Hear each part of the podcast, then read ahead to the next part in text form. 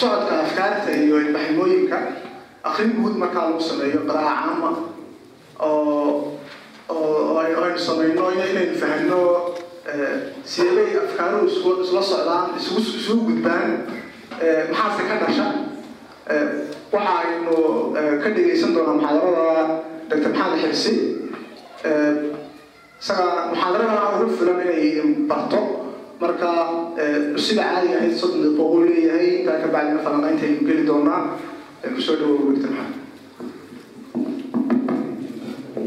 bismi illahi raxmaan raxiim xuduurka eh, sharafta leh ee dhalinyarta ah aada iyo aad baan idin soo dhaweynaya idina salaamaya. Asalaamu calaykum waraxmatullahi wabarakaatu eh, waxaan u mahadnaqayaa baraarug barnaamijka runtii aadka u qiimaha badan leh fikriga ama maandhiska ah ee ay noo qabteen iyo buwaagta aadka u qiimaha badan leh ee ah fikrado inoo soo socday ama inoo soo safray isla mawduucana la xidhiidha oo isu socodka afkaaraha iyo ilbaxnimooyinka aad iyo aad baan runtii ugu mahadnaqaya dadaalka ay sameeyeen. Waxaa sidoo kale mahad mudan dhalinyartii barnaamijkan gudbinta ama soo dhoofinta buwaagta fikriga ee qiimaha leh. Dadaalka u galay oo qaarkooda aan garanayo ustaad cabdiladiif ilaa iyo bilowgii fikrad ahaan markii uu ugu tala jiray oo marar fara badan uu igala sheekaystay runtii xanka uu ka lahaa in badan baan anigu arkayay inay yihiin inay tahay mashruuc asaga amaba waktigan uu joogo ka ballaadhan laakiin runtii uu kaga dhabeeyey. Aad iyo aad bay tahay in ugu mahadnaqo mashaakil fara badan oo bulsho ayna haysta qaar siyaasadeed tan iminka lectureka lagaga hadlaya ay ka mid tahay oo arrimaha siyaasadda ama structurekeena bulsho sida aynu dowlad ahaan ula jaan qaadayno waxaynu u baahan nahay inay wax badan ka bedelno ususkeena ama gundhiga fikirkeena. Si aynu waxyaabo fara badan meelaha ay ka qaldan yihiin ee haddaynu saxo aynu u garano buugaagtan wax badan bay naga tarayaan inkastoo waan idiin sheegayo inaanay nasiin inaanay nasiinaynin xuluul diyaarsan. Amaba mashaakilkeena jawaabo diyaarsan inaanay u haynin. Laakiin waxay na siinayaan base ama waxay wax ka bedelayaan ususka fikirkeena. Halkaas baynu deetana ka anba qaadi karnaa oo aynu nolosheena bulsho teena siyaasadeed teena dhaqaale habnololeedkeena guud ay wax badan kaga bedeli doono waxaan ka hadlaynaa mawduucaasa isu socodka afkaarta iyo ilbaxnimooyinka. Waxaa ila muhiima kelmadaha fikir iyo ilbaxnimo. Waxay ka mid yihiin kelmadaha ugu fudud xagga isticmaalkooda. Haddana waxaa la yidhahdaa kelmadaha ugu fudud ayaa xagga qeexitaanka ugu adag marka inaynu isla eegno fikir maxaa uu yahay ilbaxnimo se maxaa ay tahay inkastoo ereyga ilbaxnimo laftarkeeda waxay noogu laabay inuu wax ku horto fikirku simbali waxaynu nidhaahnaa fikrad baa igu soo dhacday. Midna waxaa laga yaabaa in adiga tiraahdo fikrad baa ahay fikrad baa igu soo dhacday. Fikraddaas waa maxay? Qaabka u fadhido wax ka bedel aad waa fikrad weyn hebel waxaasaan ka yara fikiraya waayo markaynu qaabkaa u isticmaalayno aada u kooban. Macno fara badan aan wadin oo saas u sii buuran. Laakiin haddana waxaa imaanaysa markaynu mashruuc fikriya laga hadlayo tagan ama waxaa leeyahay hebel waa mufakir markaa waxay leedahay hadh aada u weyn macno aada u weyn. Markaa fikrad maxay tahay? Waxaan odhan karnaa fikrad wax kaste oo maskaxdaada ku soo dhaca kadibna ka soo baxa. Ama adigu isku sheeg ama cid kale u gudbiyo waa fikrad weyn. Sidaa awgeed sifooyinka asaasiga ee uu basharku leeyahy waxay ka mid tahay inuu yahay noole fikrada sameeya ama fikra. Bal wax la odhan karaa noolayaasha oo dhan waxay leeyihiin heer ha kala duwanaadaane fikra. Fikirkaasi siduu ku samaysmaa waxaynu naqaanaa wuxuu leeyahay input iyo central processing unit iyo output. Maskaxdeenu yani haddii aynu simbili aada u simbal ka dhigno aad ba waxay ugu eg tahay computerkaas.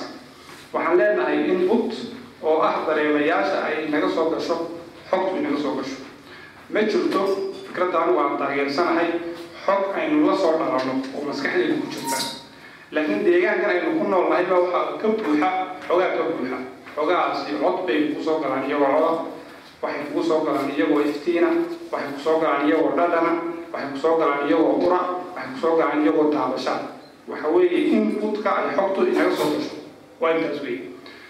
Markay xogtaas maskaxdeena gasho maaha xogta deegaanka keliya inaga timaado ee rabitaankeena ama maxaa ku idhahday la socono. Waxaa jira xog aynaan la soconin oo laga yaabo jirkeena bedel xogta wadnaha lagu diray maskaxda oo xog weyn. Xogtaasi maskaxdu ay process garaysaa process garaynta ay soo process garaysa ayaa waxaan u bixinaynaa camaliyat tafkiir. Waa fikrid weyn. Xogtaa soo gashay maskaxdu ay process garaynayso ayaa tafkiira outputka ay soo saarto ayaa markaasi fikraddii fikraddaasi ama waa fikrad waa fikrad simbol ah matalan yani waxaan arkay dugaagu ama dabku inuu wax gubo. Dabka waa waa waan taabtay xog baa soo gashay. Xogtii maskaxdeedu way fasirtay. Waxaan u qaatay inuu wax gubo. Xogtaas waxaa la waa fikrad wey waa haysta fikradaasita wey waxa la waa fikrad simbol ah ama fikra basiita fikraddaasi iyo fikrad kaloo isku tegay ayaa waxay ka samayn karnaa fikrad kale oo la yidhaahdo fikrad compound fikra murakaba matalan waxaan bartay in dabku uu wax gubo waxa kaloo bartay in inaan ka fogaadaa ay ku jirto badbaadadeyda. Waa laba fikrood wey marka waxaan bartay dabku inuu yahay wax laga fogaado. Intaasoo dhan waa fikradaha dhex wareegay aynaan u aqoonin markaynu meelahan u kala joogno. Fikrad ama muctabar qiimo badan aynaan siina waxaynu ka hadalnaa afkaarta waaweyn matalan mashaariicda amaba arrimaha bulsho wax ka fasiraya. Matalan fikriga islaamiga waxaad maqashaa fikri calmaaniya fikri shuyuuciya waxyaaba afkaarta noocaas. Afkaartaas waxaan u bixin karnaa afkaar kolba laga sa waa fikrado simbal ah iyo qaar marka oo isku tegay oo fasiraya jawaanib fara badan oo nolosha ka mid ah tan sidee loo noolaanay? Masalan haddaynu soo qaadano alfikra alislaami oo kale. Fikradda islaamiyiintu ay ka duulaan waa maxay? Waxaan u kala jarjari karnaa yani fikrooyin fikrado simbal aan u kala jarjari karnaa. Matalan inuu ilaahay na abuuray waa fikrad weeye ilaahay na abuuray in loo hogaansamo waa fikrad kale weeye labadaas hadday isku tago waa fikrad kaambowna laba fikradood oo isku tegay oo hal fikrad soo saaraya ilaahaasi inuu inala soo xidhiiday oo barnaamij aynu ku noolaano inoo dejiyo waa fikrad kale weeye. Qaabkaynu ugu noolaan markaa fikrad fikrad fikrad mutakaamila fikrado fara badan oo isku tegay oo fasiraya nolosha fasiraya. Amaba qeyb weyn oo nolosha ka mida fasiraya. Ayaa la yidhaahdaa ayaa la yidhaahdaa maxaan ku idhahdaa fikir la yidhaahdaa. Markaynu ka hadlayno heerka falsafiga ee aynu ka hadlayno haddaan kaa fikrad ku dhaafo imaado xadaarad amaba ilbaxnimo. Waxaad moodaa isla halkan mawduuca waxaynu ku soo qorannay isu socodka afkaarta iyo ilbaxnimooyinka. Waxaa su'aal ka keeni karaa ilbaxnimo iyo xadaarad labadaa erey ma innaga bulsho ahaan waxaad moodaa in ereygan uu ina soo gaadhay xilliyadii gumaysiga oo ah xilligii ugu badnaa ee aynu bulshooyin kale xidhiid la samaysay. Xilligaasi ereyada aadka u faafay. Waxaa ka mid ahay ereyga afka qaraad ku idhahdo enlightenment ama tanwiir tanwiir marka waxaad moodaa tanwiirkii ama enlightenkii oo ah heer nololeed oo yurub iyo galbeedka xilligaasi aada uga hana qaaday inaynu u qaadanay ilbaxnimo aynu u turfinay kadibna booskeedii aynu gelinay booska xadaarad ama civilization. Ilbaxnimo waxa weeye yani waa inay indhahaagu ay arkaan wax markii hore kaa awna ama mugdi aad ku jirtay iftiin kuu baxay kadibna wax badan aad aragtay. Waa tanwiir wey nuur wey iftiin kuu baxay. Xadaarad ama civilization afka kalaad asalkeeda haddaynu ku noqono ruudka carabiga haddaynu soo qaadano waa deegaannimo wey amaba reer magaalnimo wey waa meel ay bulsho kala duwan oo feri kombo laga sa ay isugu timid. Nolol muxaqada oo kakan oo dhinacyo fara badan aan la kala sooci karin ka samaysay. Kadibna ay ka samaysay faham nololeed oo koombo laga sa maadaama noloshoodu ay tahay nolol koombo laga sa amaba aada mug weyn oo aan kala baxsanayn farsamooyin ay ka samaysay iyo fan u gooni ah. Faham guud ka samaysay oo leh mid ay nolosha ku fasirto wujuudkeega iyo nolosheeda ay ku fasirto qaabka ay u noolaanaysa ee ugu wanaagsan ay ku samayso akhlaaq ka duwan midda bulshooyinka simbalka ah maadaama iyadoo aan ahayn bulsho simbal ah marka ereyga ugu dhow waxaan jeedaa ama xadaaro waa reer magaalnimo af soomaali waxay ka soo horjeedaa ereyga reer baadiye ama reer miyi xataa afka carabiga saas weya alxabar beriga hore xataa magaalooyinka waaweyn ay dadku isugu yimaadaan. Ee matalan caasimadda waxaa la odhan jiray xaadira. Xaadiradii halkaas. Afka ingiriisiga civilization xididkiisa haddii loo noqo isaga laftarkiisu waxa uu ku noqonaya erey latini oo oo civis iyo civitas asalkiisuna waa city wey waa magaalo wey marka waxa weye waa reer magaalnimo reer magaalku muxuu kaga duwan yahay reer miyiga reer miyigu ama reer baadiyuhu. Kelmaddaa baadiya laftarkiisa oo carabiga inooga timid. Waxa aynu ka akhrisan karnaa haddaynu u fiirsano bulsho kooban oo aad yani baadiyanimadu waa kala waa kala filiqsanaanta iyo muuqashada. Waxaas waa wax muuqda oo sadxiya oo la kala arki karo. Waa waa wax baadiya wey waa wax muuqda wey baynama magaaladu ay tahay meel aan kala muuqan bulshadeeda lama kala sooci karo. Qaabka ay u nooshahay si sahlan ama fudud looma kala sooci karo. Akhlaaqdeeda ay ku nooshahay waa akhlaaq aada qoombo laga soo ah maadaama oo ay nolosheedu ay qoombo lagas tahay. Maalan yani tusaalayaasha magaal baynu noqonaynaa. Xadaarad baynu samaynaynaa inkastoo adduunyada isku furantay ee globalizationku xadaaradeena markaynu tareer galbeedka hordhigano teena aad baynu u qursanaynaa laakiin goonideena haddaynu eegno baadiyaheena iyo tuulooyinkeenna iyo magaaladeenu aad bay u kala duwan yihiin. Markaynu magaalada joogno waxaynu u baahannahay waxyaabo fara badan oo aan miyiga ka jiray inaan akhlaaq u yeelano. Waxaa ka mid ahay tii iminka laga hadlayay ee qabyaaladda iyo qaranka waa inaan samayno akhlaaqdu waxa weeyaan waxyaabaha aynu aaminsanahay damiir ahaan ee aynu ku dhaqmayno aynu qofka kula jooga ama aada la nooshay aada kula dhaqmayso wey adigoo aaminsan maaha xeerka qoran ee u baahan in awood lagu fuliyo. Waxaynu u baahanay matalan inaynu musuq maasuqa akhlaaq ka samayno akhlaaq musuq maasuqa xadiista marka miyiga la joogo akhlaaqaha loo baahan yahay? Uma baahnin leanna musuq maasuq ma jiro miyiga marka la joogo. Ma nolosheeni baadiyaha qabyaalad iyo qaran madaxa iskula jira oo u baahan in la kala saaro.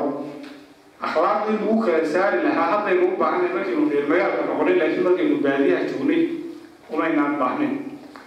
Marka xadaaradu waa heer nololeed oo bulshadu ay u gudubto oo leh faham ballaaran oo lagu fasiro nolosha iyo akhlaaqda leh farsamooyin iyo wax soo saar dadku ay sameeyaan waa qaab looga fogaado nolosha primitiveka ah iyo neejarka oo loogu durko nolosha artificialka masalan magaalo markaan joogno hargeysa markaynu joogno nolosha aynu ku noolnahay sida ay u badan tahay artificial wey halkan imika aynu fadhino gebigeeda inagaa sameynay wax neejar oo sidiisii halkan yaallaan ma jiro xataa sadxiga dhulka marmar baynu joogna marka waxa weeye waa qaab farsamooyin sarreeya bulshooyinku markay horumaraan ay ku gaadhaan waxa ay la gaar tahay fan ka koombalagsan ama ka mucaqadsan kala sarreeya midka nolosha baadiyaha.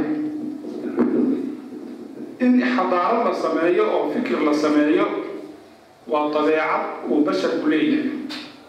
Waa qaab maadaama oo lagu laynagu tiriyo inaynu nahay noolaha asal ahaan noolayaasha kuwooga ugu nugul dhinaca dabeecada. Qaab aynu dabeecada kula qabsanayno oo aynu evolution ku samaynayno si aynu khatarta ay leedahay dabeecadu aynu u yarayno aynu uga nug uga nugulnahay noolayaasha kale. Matalan iminka dharkan aynu xidhannahay waxaynu u baahanay fikir iyo xadaarad aynu samayno si aynu qabowga dee dabeecada uu leeyahay aynu isaga caabino noolayaasha kale inalama wadaagaan. Dheejar waxay u leeyihiin sidaynu u nugulnahay uma nuglaan. Inta dhogor bay leeyihiin way iskaga caabiyaan qabowga marka maadaamanu nahay noola nugul waxaynu ku qasbannahay inaynu bixino dadaal ka badan midka ay noolayaasha kala bixiyaan.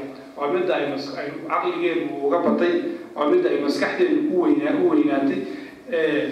Qaybtan hore caqliga iyo fikirka iyo judgmentiga iyo maskaxdeenu ay u kortay in ka badan noolayaasha oo dhan. Noolo kale oo inala mida ma jiro oo oo dhafoor dhafoorkeenu ka weyay noolayaasha kale haddaad u fiirsato. Leanna waxaa ku soo jirta maskaxda qaybta fikirka iyo maaraynta iyo soo saaridda afkaarta iyo samaynta ilbaxnimooyinka. Caqliga waxaynu naqaa isu socodka aynu nimaadno markaa ilbaxnimooyinka iyo afkaarta markaynu leenahay isu socodka fikrado iyo ilbaxnimooyin waxaynu halkaas inooga soo baxaysa inay jiraan marka hore ilbaxnimooyin ilbaxnimooyin iyo afkaaro meelo kala gooniya ku kala xirxiran basharku wuxuu ku kala nool yahay deegaano kala duwan. Deegaanadaasi kala duwan waxa ay leeyihiin dabeecooyin kala duwan. Dabeecooyinka kala duwan waxa ay qofka siiyaan xogo kala duwan xogahaasi uu ku fikiro waxa uu ka soo saaraa afkaaro kala duwan waxaanu ku sameeyaa ilbaxnimooyin kala duwan. Matalan dhulka qabowga badan afkaaraha ka samaysmaya iyo ilbaxnimada ka samaysmaysa way ka duwan tahay midda ka samaysmaysa dhulka kulaylka ah. Dhulka jasiiradaha dhulka buuraleyda dabeecada deegaanka ayaa kala duwaysa ilbaxnimooyinka iyo afkaarta dadka. Kuwaas baa markaasi isku socda leanna dadku intii deegaan deganba markii bulsho ay tahay waxaa ka dhaxeeya isla falgal fikir iyo farsamo.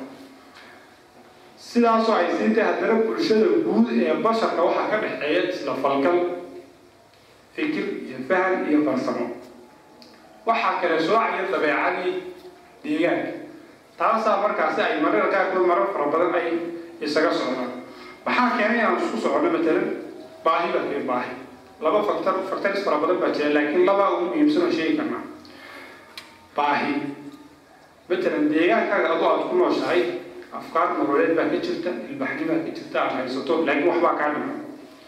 Deegaan kale oo bulsho kale ay ku nooshahay oo afkaar iyo ilbaxnimooyin ay ka jiraan ayaad uga baahan tahay qaabkay u nool yihiin inaad wax ka soo qaadato si aad noloshaada ugu tabaxdo waa markaad receiver tahay matalan innagu maynaan lahayn nidaam dowladeed oo sophisticated ama sidan iminka laga sheekeynayay dowlad moderena maynaan lahayn reeraynu iska ahay gumaysigii inoo yimid baa ina dardaray dowladnimu inoo keenay si fiican maynaan fahmin markuu inagaga tegey maxaynu u baahannahay sidaynu u maamulno dowladnimada waa inaynu qaadano matalan ummadaha inooga horreeyey ee dowladnimada sameeyey afkaartoodii ay ku dhiseen dowladnimada inaan soo qaadano waan u baahanay markaa matalan dowlad nidaamkeedu uu kala baxsan yahay sulutaadkeedu kala gaar yihiin. Nidaamkay ku timaada uu dimuqraadi yahay. Dastuur hago xagaynu ka soo qaadanay agtooda yani galbeedka ka soo qaadanay.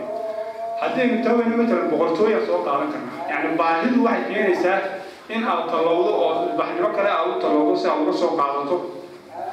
Waxaad u baahan tahay waxaa ka mid a taasi waa fikirkii nololeed waxaa ka mid a maad maadadii maadooyinkii lagu noolaa qalab iyo cagab ay sameeyeen ilbaxnimooyin kale oo adiga kaa horumarsan.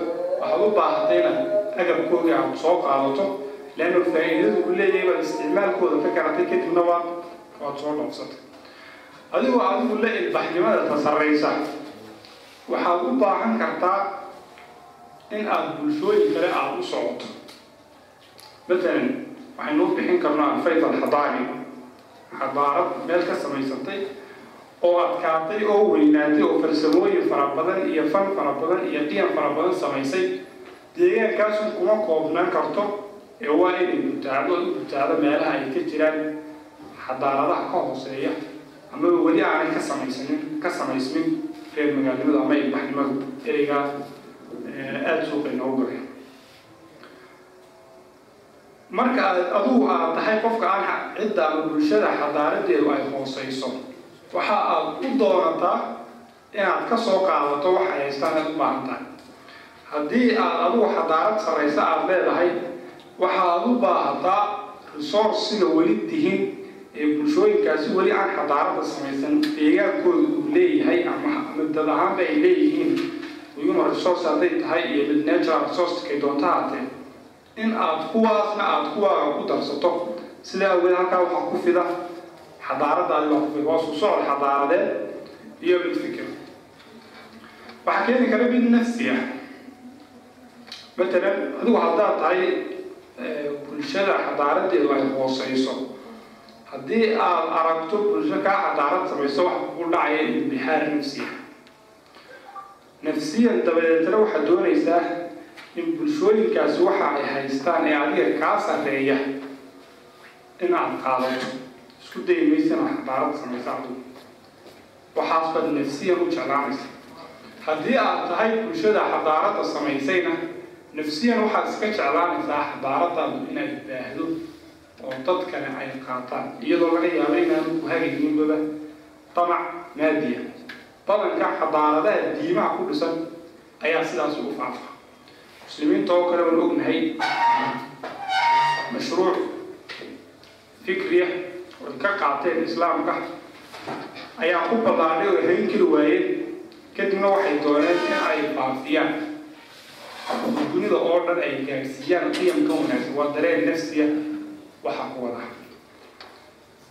adduunyada imika reer galbeedka maraykanka oo kale waxyaabaha marka laga yimaado danaha maadiga iyo midda siyaasiga ee uu leeyahay maraykanku waxyaabaha uu faafiyo waxaa ka mid ah xorriyaadka guud xuquuqda insaanka waxyaabaha ay ka sheekeeyaan. Danaha maraykan marka la eego wax fara badan oo runtii kaga xiran ma jiro. China jiro oo dunida la xidhiidha isku fidiya danna kama galo xorriyaadka. Laakiin xorriyaadkan iyo waxaan bulshada maraykanka somehow waxay u yihiin qiyam markaa nafsiya waxay jeceliin dunida oo dhan inay ay xor noqoto. Siyaabaha marka ay ku gudbi karaan waxaa ka mid a matalan physically inaan u guurno bulsho ahaan ama qof ahaan aynu u tagno meel xadaarad kale ka jirto ama meel aanay xadaarad ka jirin inagoo xadaarad noqon kadibna aan saas u gudbino. Waxaa ka mid a akhris iyo riwaayad ama weyn. Sida matalan buugaagan buugaagtan iminka afkaarta wada ee soo gaadhay afkaar bay wadaan dad inaga duwan baa qoray bulshooyin inaga duwan afkaar ka samaysantay marka buugaagtaas inay noo timid maynaan safrin physically bulsho ahaan iyo qof ahaan toona halkan bay noogu malaxdayna afkaartii saasay noogu soo gudubtay markaas fikraduhu inay faafaan waxyaaba fara badan baa saacida labaan ka sheegi karna maadaama waqtigu uu kooban yahay fikraddani cumqiga xadaariga ay leedahay matalan xadaaradaha qaar waxay ku fadhiyaan falsafado aada u xoog badan mantiq adag leh. Meel kaste oo ay tagaan xataa marka hore haddii la diido muddo marka uu friction ay la sameeyaan bulshadaasi la qabatin. Si saaran bay xadaaradaha noocaas iyo afkaartaasi ay u faafaan. Matalan waxaa laga sheekeeya maanta dimuqraadiyadda. Mar kastoo dimuqraadiyad laga soo qaado waxaa la soo xasuustaa griigii horaa la soo xasuustaa oo la yidhahdo waa asalkii falsafada dimuqraadiyadda kumanaan sano ayay qaadatay inay faafto oo ay jirto meel kastoo ay tagtana falsafada dimuqraadiyaddu ay ka hirgasho xataa meesha laga diido muddo markay joogto way socotaa leanna waxay ku qotontaa cumqi mantiq ah mantiqi ah oo aada u sareeya ay ku qotontaa midda labaad waa quwa maadiya cidda xadaarada iyo fikirkaalihi awoodda maadiga ee ay leedahay. Matalan dhaqaalaha oo kale? Dhaqaaluhu muxuu abuuraa cidda dhaqaalaha fara badan haysa. Taban mid kastoo xadaarad samaystana waxa ay fursado ay fursado badan ay u inay samayso inay samayso. Dhaqaale ay samayso. Dhaqaale ay awood ciidan ku samayso. Oo ay cilmi baaris ku samayso. Awoodda dhaqaale ama awoodda sideedaba cidda awoodda le waxa ay siisaa haybad bay siisaa waxa ay ka dhigtaa ciddaas awoodda leh cid aan baahnayn oo loo baahan yahay. Marka waxa ay wadato badeecadda ay wadatana inay suuqa si sahlan ay u gasho. Suuqa fikirka ay si sahlan ay u gasho. Aada iyo aad bay runtii ay ugu nugushahay. Marka awoodda maadiga ahi waxa ay leedahay saameyn aada u ballaaran. Marka laga hadlayo faafinta fikirka iyo iyo ilbaxnimooyinka. Waa sababta maanta xadaarada ugu faafitaanka badan ee dunida oo dhan meel kaste gaadhi ay u tahay midda reer galbeedka leanna awoodihii oo dhan ayay gacantooda ku hayan tii dhaqaale ay hayaan tii aqooneed bay hayaan tii waxay hayaan tii ciidan bay hayaan. Waxaasoo awood waxay siinayeen haybad ah in fikirkooga loo dhuglaado ama loo dhiga dhuglaado sidee baynu ula tacaamulnaa fikradaha inagu cusub buugaagta hadda aan akhriyayno oo kale ama ilbaxnimo inagu cusub hadda ayna soo gaarin sidee baynu ula tacaamulnaa waxaa jirta ka bulsho ahaan bulsho kastaba waxa ay leedahay fikir qofeed iyo fikir wadareed daa'iman fikirka qofeed waxa uu sameeyaa fikirka wadareed the long term wakti dheer. Fikirka bulshana waxa uu sameeyaa fikirka qofeed the short term. Leanna bulshadu qofka way qofka haddaad doonaysaa marka qof inaad bulsho inaad fikir aad leedahay bulshada aada wada gaarsiiso waxaad u baahan tahay nafas dheer nafas dheer iyo adkaysi badan. Caqabaad badan inaad ka gudubto laakiin bulshadu hadday doonayso in ay fikirka guude ay hayso ay qofka qabansiiso wax kugu filan oo keliya ka cadaadis yaroo bulsho ama tarbiyad markaad yartahay lagu tarbiyay waana sida ay isugu noqnoqdaan psychologiyadda iyo sociologiyadda yacni psychologiyadda qofka waxa samaysa dhaqanka bulshada sameeya. Habka nafsiga qofka ugu fikro. Sociologyga bulshada ay ku nooshahayna waxa uu ka samaysmaa uun hababka nafis nafsiga ee qofkaas. Marka bulsho kastaba waxay leedahay afkaar marka hore ay sii haysato. Afkaartaas sidaa badanka waxa ay u tahay micyaar ama halbeeg ay u tahay fikradaha cusub ee u imanaya haddii fikradda mafahamka bulsho ahaan aynu haysano ay fikradda cusub ee na soo gashay ay ka soo horjeedo total ay ka soo horjeedo badanka waxaan ku waajahnaa diidmo qayaxan sababta oo ah fikirka maankeena ku jira iskama fadhiya maankeena une waxa uu leeyahay saameyn nafsiya waxaanu uu sameeyaa behaviorkeena ama habka aan u dhaqano ayuu sameeyaa midka fikirka qofeed mudda ayuu qaataa inuu caqligiisa uu ku raasaqo kadibna uu nafsadiisa iyo suluugkiisa uu ka muuqdo.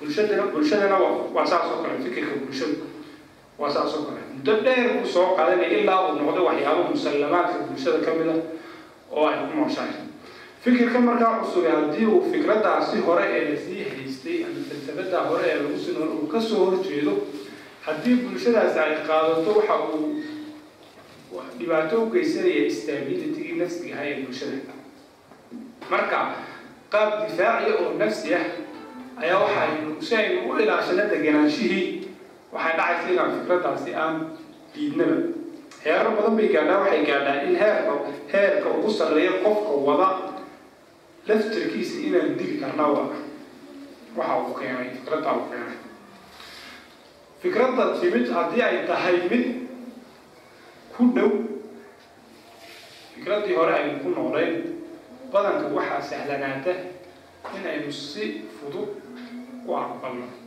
Fikradaha qaarkood fikradaha cusub qaarkood baynu soo dhaweynaa sababta oo ah waxa ay taageero u tahay fikradii hore aynu ku noolayn waxaan ku tusaaleyn karnaa mimarigeena ama xusuusteena afkaarta ku jirta ee nololeed aynu ku noolnahay. Xog kasta oo maskaxdaada soo gasha ood process garayso fikrad ka samaysa marka aad ku qanacdo meel baad dhigtaa qaabna way u taalla xog cusub oo tii lamida laakiin mid ku ah haddii ay timaado waxay isku daysaa xogtii hore inay meesha ka saarto oo ay barabixiso marka siraac baa gudaha ka dhacay haba loolan baa labadii xogood labadii fikradood maskaxdaada gudihiisa loolan bay ka geliyaan loolankaas baa keenaya ka ugu ka midka kaa dhigaya mistake keenaya inaad fikraddaasi cusub si aad instabilityga ama degenaansho la'aanta fikriga iyo nafsiga aada ugu hortagto inaad fikradda cusub aada diido. Fikradda cusub ee taageersan afkaartii hore aada haysay. Fikraddii hore maskaxdaada ku jirtay sidii ay maankaaga ugu jirtay ee iska deganaydba waxay u sii kordhinaysaa deganaan way sii xoojinaysaa. Markaa si sahlan baad u soo dhaweynaysa waynu naqaanaa dhinaca diinta waxaa loo yaqaana alijaaz alcilmi sayniska dadka intay daraaseeyaan waxyaaba fara badan oo diinta lagu dacmin karo markay ka soo waa ku faraxna xogta noocaasa waa ku faraxna yani diintaas ii sheegtay intaasoo intaasoo qarni ka hor hadda adduunya ogaatay. Yani istiqraarkaagii nafsigahay ee iimaanigahabay aada u xoojinaysaa baynamaa fikradda laga yaabo inay ka soo horjeedo. Dhinaca sayniska ay nagaga timaada inaynu diidno kulli inaynu diidno oo qofka wada la gaaleysiiyo oo la dili yani waxa waxaynu ka hordaynaa aaminaadaasi iyo fikradahaas maankeena ku jira sida ay u yaalaan inay isbeddel ku dhaco leanna isbedelkaasi wuxuu keenayaa isbeddel nafsiya mid suluukiya juhdi badan iyo dadaal badan bay inooga baahan tahay inaynu mar labaad soo celino istiqraarka soo celino xogtaa cusub markaasi mantiqiga mantiqa ku loojiknimada ah ay kala leeyihiin haddaad doonto xogta cusub diidbo haddii ay ku fadhido xujo aada u adag loojically muddo markay kugu soo noqnoqdo kugu soo noqnoqoto waxa ay keentaa inay wax ka bedesho ama si yar ay u barabixiso ama istiqraarka ama istiqraar la'aanta deganaansho la'aanta kugu dhacday awgeed inaad adugu aada sacrifice samayso tii hore aada meesha ka saarto oo aada isku dada tan cusub aada qaadato oo iyada aada ku samaysto deganaansho fikriya iyo mid aada ka samayso.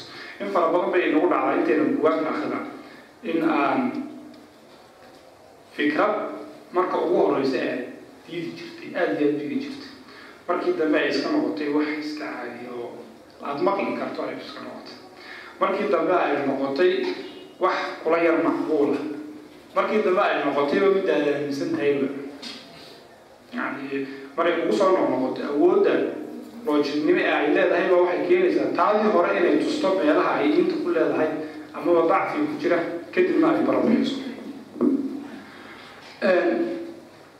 haddanka fikradaha iyo ilbaxnimooyinka sidaas bay isugu gudbaan aynu dusha ka taataabanay waxaynu waa guudmar un weeye maaha inaynu si diibliya u sii galno mahadami karaan ha.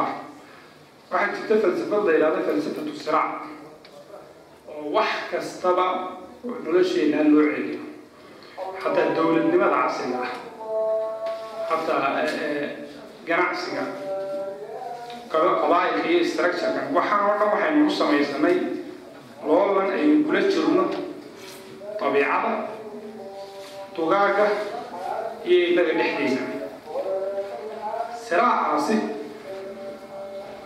waxaynu loolan ugu jirnaa ama aynu ku loolamaynaa khayraadka jira iyo fursadaha haddii aynu helno keenaya inay nolosheenna aynu ku sii helno fursado badan oo aynu ku sii jirno. Marka marka laga yimaado matalan xadaaradda waxaynu u samaysanay oo aynu uga nimid kayntii iyo deegaankii dugaaga aynu la noolay aynu u magaalooyin waa inaynu dugaaga ka fogaano loolanka aynu dugaaga kula jirno innagu inaynu qabaa'il kala noqono ama dawlado kala noqono ama mujtamacaad kala noqonona waxa ay waa siraaca ama loolanka innaga inaga dhexeeya waxa isku keenhaya ee aynu bulsho isku mid a aynu nahay waxa weeye bulsho kale oo inaga mid ah ayaynu loolan kula jirnaa matala soomaalida iyo kara identity identitygaasi waa waxay bulshadu isku haysato ee keenaysa inay isugu hiiliso dabeecada ay isaga hiiliso bulshooyinka kalena ay isaga hiiliso markaa dareenkaa kugu jira in haybta la ilaaliyo waxaynu mar walba aynu dareennaa in xadaarad kale oo dabadda inagaga timid ay furfurayso waxyaabihii haybteenna ama akhlaaqdii iyo dhaqankii iyo mafaahiimtii ay ku qotubtay haybteena is haysataa sidaa awgeed waan ka cagajirnaa marar fara badan amaba inaynu xadaarad cusub bulshooyin kale aynu qaadano haddii aanay xoog inagu qabsanin waxyaabaha kale oo keeno waxaa ka mid a dee danaha maadiga ah danaha maadiga in fara badan. Yani waa isla loolankaas un weeye xadaaro kale waxaad la dagaalamaysaa in aad resourceska jira inaanay kaaga badta markastaba waxaad jeceshahay inaanay fidin taadu inay fido halkaas markaas uu siraac aqeynaya midka daakhligana uu jira ama ilaalinta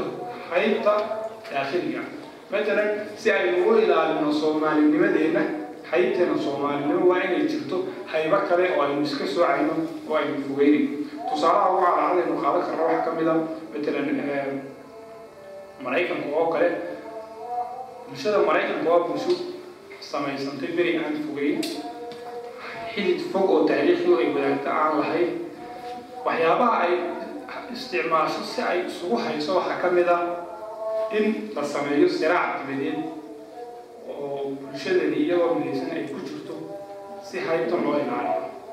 Si awgeed midowgii sofiyeeti oo kale waxa uu ahaa warqad la isticmaalo si la isugu hayo dadka maraykanka. Markii uu burburay waxaynu ognahay in dadaal fara badan la geliyey la abuuro xadaarado kale oo halisa oo ay tahay dadka maraykanku inay u midaysnaadaan haybtooda maraykanina ay umaashadaan buuggii caanka ah ee samuel huntington uu qoray clash of civilizations waa garanaysaan waan jeclaan lahay ku jiro buwaad halkan inoogu timid.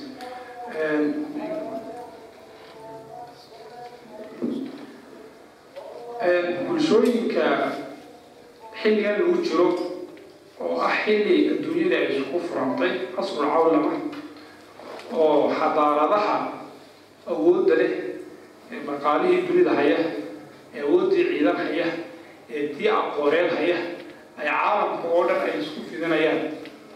Waa su'aal aan rabo in in badan oo ka mid ah aan uga tago niqaashka sidee ayay tahay inaan ula noolaano bulshooyinka innaga oo kale ah ee weli waxay dunida ay iyagu u baahiyaan oo ilbaxnimo ay gaarsiiyaan ama afkaaro ay gaarsiiyaan aan helin in fara badan waxaa dhacda bulshooyinku marka ay sidaa u kala fogaadaan cuqdad baa ku dhalata bulshooyinka ilbaxnimadooda ay hooseyso cuqdadaasi oo maadaama ilbaxnimadan aanay la loolami karin in ay diidaan agabka ay ku qotontaba kaabtan iyo civilizationka laftarkiisu agabka ay ku qotonto laftarkeeda inay diidnaba waxaan aragnaa matalan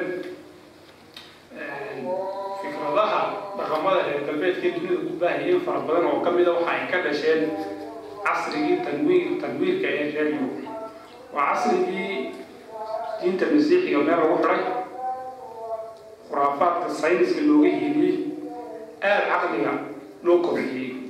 Sidaa awgeed in fara badan oo ka mida waxay yeelan karaan usus adag oo caqli ah?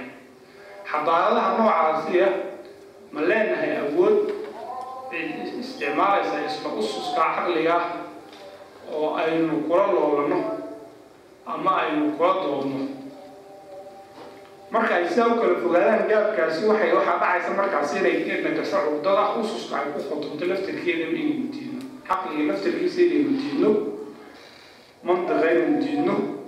Cilmiga laftarkiisa aynan ihtimaam fara badan siinin. Inaynu u bayno meelaha ay iyagu ka tegeen aynu arkayna inay tahay meel cidlac waxaan uga tegayaa niqaashka dhowr daqiiqaan ku darsaday baan filaya aada iyo aad baad u mahadsan tihiin wasalaamu calaykum waraxmatullahi wabarakatu aad baad mahadsan tahay maxamed mahadsan yahay si aynu waktiga inoo hadhay uga faa'iideyno oo ah labaatan daqiiqo faallo iyo falanqayn iyo dareenacinba waan soo dhaweyneynaa ciddii haysa ku darsanaysa mawduuca isu socodka afkaanta iyo sida loola macaamilayo hadday jirto fadliga ku soo dhawaato.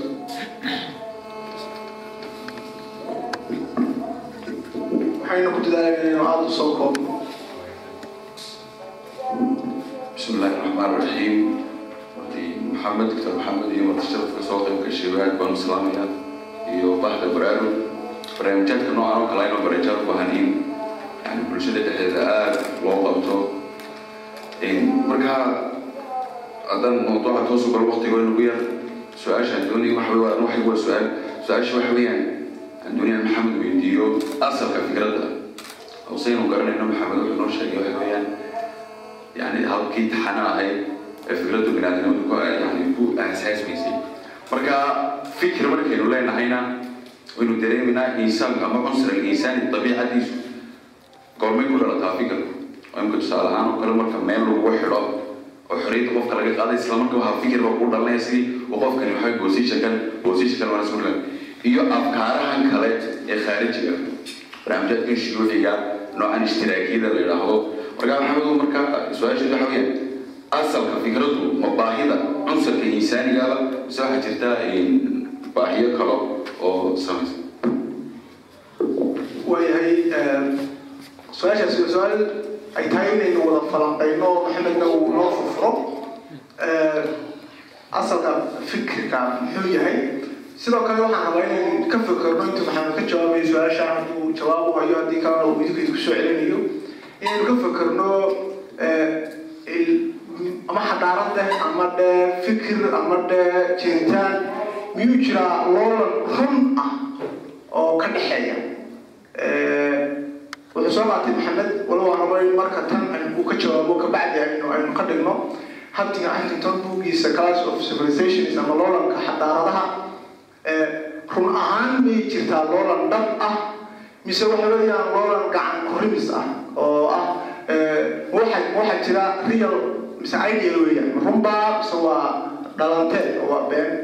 Oo waxa weeyaan mid la malaynayo inuu jiro waa mid ay tahay inaynu ka fekerno mid oo taa ay hoos taallo iyadana sida aan u malaynayo ay hoos taallo waxaa jira cid gaara oo meel fadhida oo leh xad juquraafi ama ama xad dhuleed leh oo aynu ku tilmaami karno xadaarad heblaayi dabadeedna xadaarad heblaayo wax keliya wada qeexayo sida ulan tahay xadaaraddaas xadaaradda waxaanu leenahay xadaaradda caddaanka waa xadaarad dadka guumaysata tusaale ahaan xadaaradda madowgu waa dad dibdhaxsanoo duwacga ma ma waxaa jira labeling ama maarata sumadayn saas oo kale aynu xadaaradaha ku calaamadin karno si ay u timaado go'aanka ama conclusionka aynu gaadhnay ah xadaaradda gumaysanaysa wax siday u socoto heegeysan iyo ta dib dhacsan baa ka dhexdhexan karaa hadhowtoo noqon karaa isu bedeli kara gacanka hadalba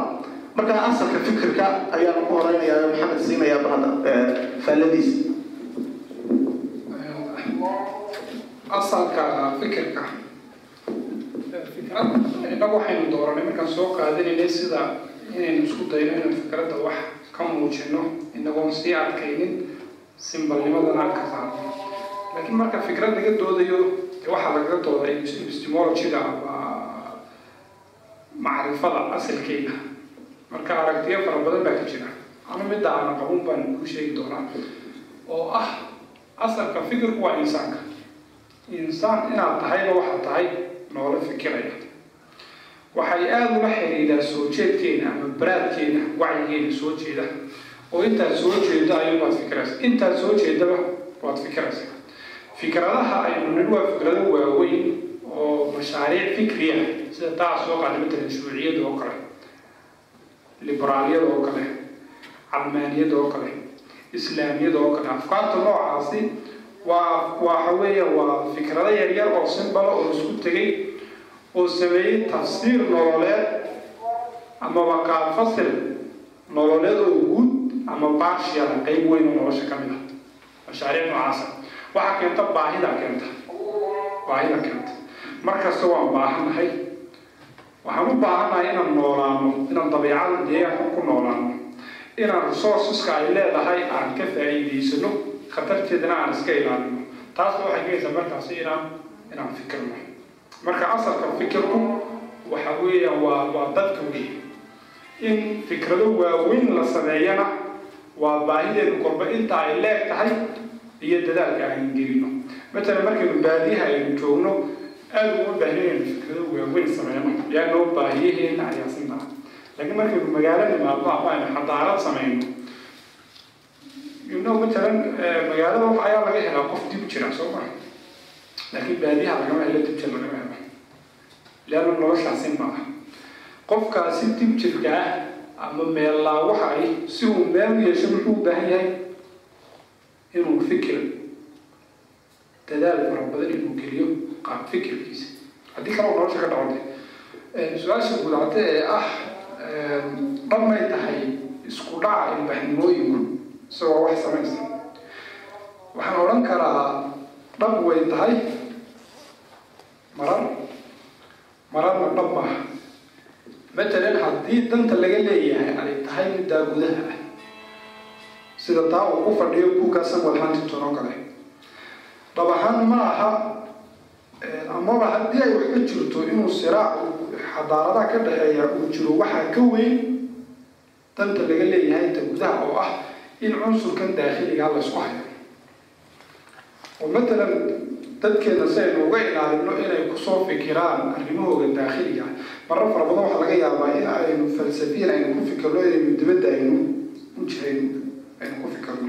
Hataa simbali iyadoo fikir weyn ku qodomin systemiska ama andimada dictatoriga way sameeyaan matalan xilligii toddobaatanaadkii oo kale soomaaliya iyada oo ku jirta xilliyadii ugu adkaa haddana caqliga soomaaliga oo dhan waxaa lagu jiheeyey etoobiya banaanka lagu jiheeyey waxaa aada loogu robagando loo geliyey soomaalinimada in la weyneeyo in maxaanku idhahday qofka soomaaliga laga dhigo qof qable isagoo la faqiir oo waxba haysan in laga dhigo qof leh cid cadowga oo siraac kula jiro kadibna diintiisa gudaha aanu aada ugu fikirin. Falsafad badan kamay dambeynin aakhirka waa tii burburtay way socon weyne midda kale oo ah wax ma ka jiraan marar fara badan ha liannahu adduunyada lagu wada nool yahay xadaaradaha ku wada nool ama bulshooyinka ku wada nool siraac baa ka dhexeeya.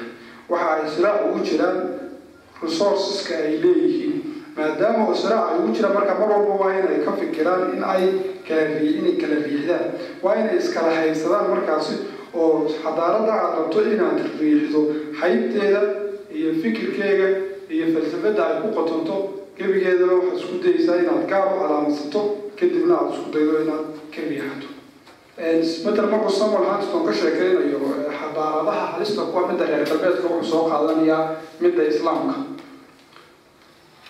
gudaha marka uu jeedo waa in dadka maraykanku ay ku fikiraan halista ka iman doonta fayga dhexe ka iman doonta. Oo halkaa ku fikiraan. Dibadda marka laga laga eegana waxway ka jiraan oo inagu muslimiinta haddaynu nahay waxaynu mar walba aynu dareensannahay in ay jirto awood cadow inagu ah oo ah midda reer galbeedka oo ay tahay inaynu iska dhicino ama ugu yaraan aynu ka xorowno markaa siraacu si uu u jiraa waana la tawdiif garayn karaa waa la isticmaali karaa adigoo ujeedo kale waa la abuuri karaa adoo dan kale kale. Yaa kale oo faalo ku darsanaya mawduuca guud ahaan.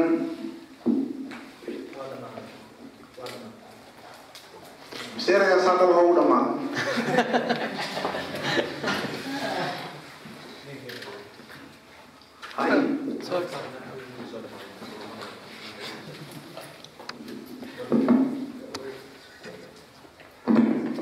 السلام عليكم يعني يقولوا waxaa jira kelmad inta badan lagu soo celceliyo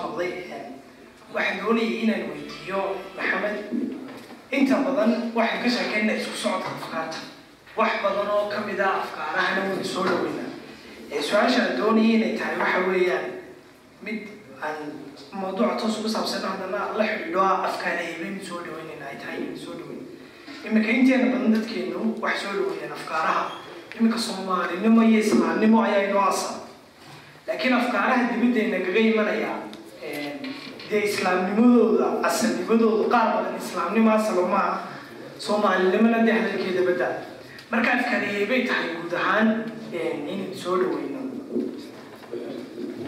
Aad baad mahadsantahay laakiin mid ogo faadow maya waxaan waan kaa daba keenaya hadalka? Oo lugama lagu soo booda mid ogo intaana maxamed u dhiibin fikradda ah mar baa jirtay aana soomaalidu muslim ahayn marka islaamka laftarkiisu waa habeen fikir u yimi oo ma aha wax laba laba laba isku ma isku mar bilaabmay ma aha oo waynu aqbalnay islaamka laftarkiisaba. Markaa taas taasaan rabay inaan inaan hadalka ka saxo oo oo aan ku darsado erayga sidaan u arkayay. Marka maxamed baan ku soo dhaweynayaa gabagabada inta aan barnaamijka toos intaan u soo xidhaanan qolo ka socota barnaamij aan u yeedhin miyuu jiraa qof kale oo wax ku darsanaya? Fursadii u dambeysay. Waxay ka dhigan tahay maya. Maxamed su'aal uu gudcanta keenay markii horena ka jawaab baa jirta oo ay xasuusisay su'aashan ma jirtaa xadaarad ama bulshooyinku ay kala leeyihiin ficlan yani oo la odhan karo matala xadaaradaasi ciddaas bay gooni u tahay. Waxaan ka hadlaynaa waxa weeye samaynta xadaaradaha iyo afkaarta. Laakiin afkaarta cid u leh mulki khaasa u leh oo keligeed leh oo aan loogu tegi karin ilama hayna jirto. Sababtoo ah markaan aan fikrad soo jeedinayo deegaanka aan ku noolahay canaasirta uu ka kooban yahay waxyaabaha yaalla. Ayuun baan ku fikiraya oo hadda xogtu iga soo gashay. Iyadun baan process gareeyey fikradda aan soo saarayna iyadun baan ka soo saaray marka qof kale oo iga qof kale oo isla deegaankaygaa joogi lahaa oo isla fursaddaa siiri lahaa waxa uu soo saari lahaa nafsal afkaarta uu soo saari lahaa. Sababta oo ah processinka maskaxdeenu isku sibay u abuuran tahay informationka aynu ku isticmaalayno isla deegaanka unbay yaallaan waxaa kala duwan uun factoriska saaciya matalan einstein qawaaniintii uu soo saaray sayniska ah qof kale oo kas soomaaliya aan einstein ahayn soo qof soomaaliya hadduu factoriskii uu heli heli lahaa. Waxaan is leeyahay wuu soo saari lahaa afkaar scientifica oo noociisa oo kale. Marka waxaa jirta xadaarad insaaniga jirta. Xadaaradda iyo fikirku asal ahaan waa insaani weeye. Laakiin deegaanada ay ka kala yimaadeen mar fara badan fikraddu saafi ma aha waxaa la socda dhaqankii bulshada ayaa la socda. Marka waxaa la isku haystaa waxa weeye qoladii fikradda ay ka timid sumad gaaray u yeelanaysaa oo dhaqankeedii waxyaabihii lama aada lama taabtaanka ama ahaa ee aada taaban kari amii macnawiga yahay ku noolay ayay soo raacsanaysaa marka halkaas un ishkaal ka yimaada laakiin asalka fikradda mita dadku inay inay xuquuq ay helaan ama xuquuqda bini aadamku hadda waxay ku suntan tahay fikrad reer galbeed laakiin meel kasta iyadoo biyuura marka la dhigo bulsho kasta oo oo la dhex geeyo dee waxay diidaysa maaha dadku inay xuquuq ay lahaadaan in cadaalad la helo in sinaan la helo. Laakiin marar fara badan waxaa la socda dhaqamada reer galbeedka matalan homosexuality oo kale ku jiraa xuquuq ku jira xuquuqda bulshadaas ay leedahay marka bulsho kale la keeno waxay ka hor imanaysaa dareenkii macnawiga ahaa ee dhaqankeeda ku suntaa meelaha la iska diidaya markaas waa halkaas weeye marka xadaaraddu asal ahaan waa xadaarad insaaniya weeye nin aanu oo masri ah ayaa maalin dhaweytooda waa qolyaha mucaaradka buu ka mid yahay taliska hadda ka soo horjeeda. Markaa nin soomaaliya ku yidhi idinku mase xadaarad aada ugu muhiim baad leedihiin.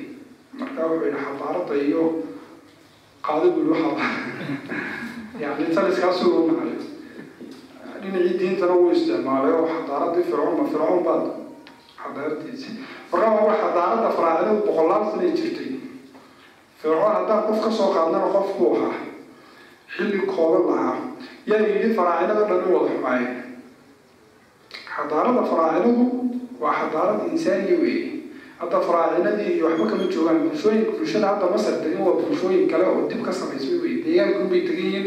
Waxay haystaan dhul leh aasaartii ay ka tegeen faraacinadu laakiin waa xadaarad insaaniya weeye hadda laaskeed inay muddan inoogu taalo waa xadaarad insaaniya weeye cid innaga soomaaliya ku abtirsan karto halka abtirsiintiisu ay geli kartaa ma jirto. Laakiin deegaankii baynu degannahay waana xadaarad bini aadamnimo weeye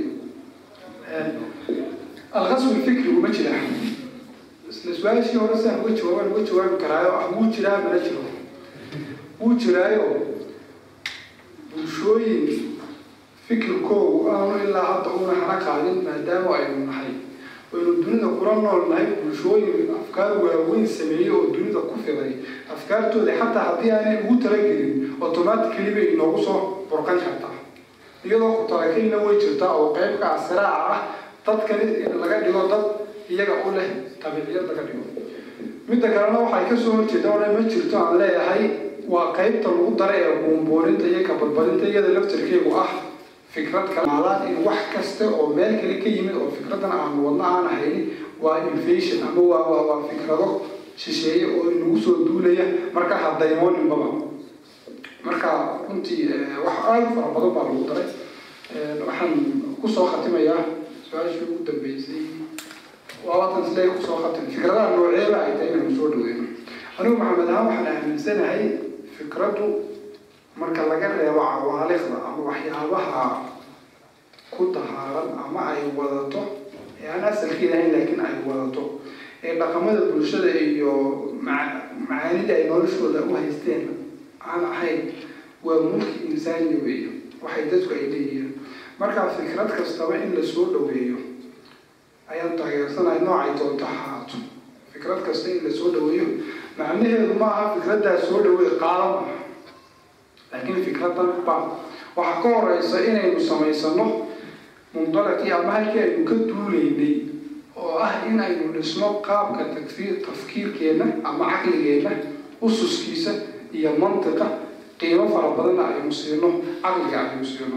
Horaan ku sheegay bulshooyinka iyago xadaarad ahaan hooseeya ama dib u dhacay ama mar jug ay gaadhay xadaariya oo dib u dhacay marka ay arkaan inuu gaab weyn u dhexeeyo xadaaradaha ay loolamayaan ama ay dunida ku wada nool yihiin. Maadaamayna ayna xadaarad u dhiganta aanay ah ama fikrado u dhigma aanay markaasi haynin waxa ay la dagaalamaan tuuliska ay ku qotontaba matalan xadaarada caqlaaniga ah haddii aanad fikrado la loolami kara ama barb aad barbar dhigi karta aanad haynin waxaa la dagaalanta caqliga laftarkiisa laftarkiisa ayaa diidaaba.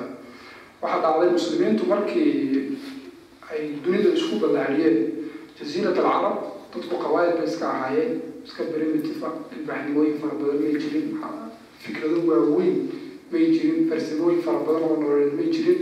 Bas islaamku markii uu yimid fikrad dhaqan iyo akhlaaqeed bay ka qaateen taas baa keentay in ay iyaga ay faafiyeen deegaanadii ay tegeen markaas waxay ugu tegeen ilbaxnimooyin ugu horreeyey oo falsafado iyo tasawuf yacni nololeed qaabab bulshadu ay u dhaqanto iyo tafaasiir nololeed oo ay nolosha ka haysato oo waaweyn oo qaarkood su'aalo badan yaalaan bay bay ugu tegeen taas waxaa keentay markaa muslimiintu inay diinta lafteedii ay ku kala qaybsanaan oo marka jasiirat alcarab jooga siyaasadda ku kala qaybsan laakiin diinta kuma qaybsanan leanna su'aalo mantiqiya oo aan jasiirat alcarab la isku weydiin jirin ayay ugu tegeen deegaanadii ay tegeen ciraaq iyo persia ama guud ahaan sham fikradihii ay ugu tegeen way ku qaybsameen marka qaar baa qabatimay tayaaraadka caqlaaniga sida muctasilada oo kale ashaacirada maaturidiyada iyo qaybo kale oo fara badan oo muslimiinta ay magacyo fara badan markii dambe yeeshay in ay isla ususkaasi ay qaataan oo ay isticmaalaan. Kuwii la qabsan waayey waxay la dagaalameen caqliga laftarkiisii oo yidhaahdeen caqligu maba aha wax lagu noolaan karo ama faham lagu dhisi karee waxaa lagu noolaan karaa nas. Maxaa la yidhi? Maxaa la wariyey? Diintu maxay tiri diintu waxay tiri laftarkeeda iyadoo la caqliyeyn naskaas sidaas ha loo qaato marka marka aad la qabsan weydo wax ma aad aragto inuu aada kaaga fogeed la qabsataa tuuliska uu ku qotomo ayaad nafsiya waxaad isku daysa inaad burburiso marka waxay la tahay inay tahay inaynu caqli ususka caqligeena ama tafkiirka aynu aada u xoojino bugaagtana kamida waxyaaba aynu ku xoojin karno kadibna fikrad kasta waynu qaadan karnaa waynu iska shaandhayn karnaa innaga laftarkeeduna afkaar soo saari karnaa aada ba umahadsantiin sayidka oo balaad matalayaan u dhiibin waxaa rabaa inaan xoojiyo qodobka fikir kasta. Inagu ma ma taagnin goob aynu idhaahno tanna waxay qalantaa soo dhaweyn tanna uma qalanto. Aadamuhu qof awoodaan ma laha waayo fikirkii ma garanba ma garanaysid goorta. Marka goor aad soo dhaweyso ama goor goor aad tiraahdo soo soo gudub oo tan waa in lala falgalo ama tan waa inaan lala falgelin. Waxa muhimka waxa weeyaan tasaamuxa ama dulqaadka toleranska inaad fikirka kaa duwan u dulqaadato hadda shalayto waxaan akhriyay hindiya sanadka cusub qolo hinduusa baa dabaaldeg samaynaysay deedna muusig aad sarreeya bay tumanayeen.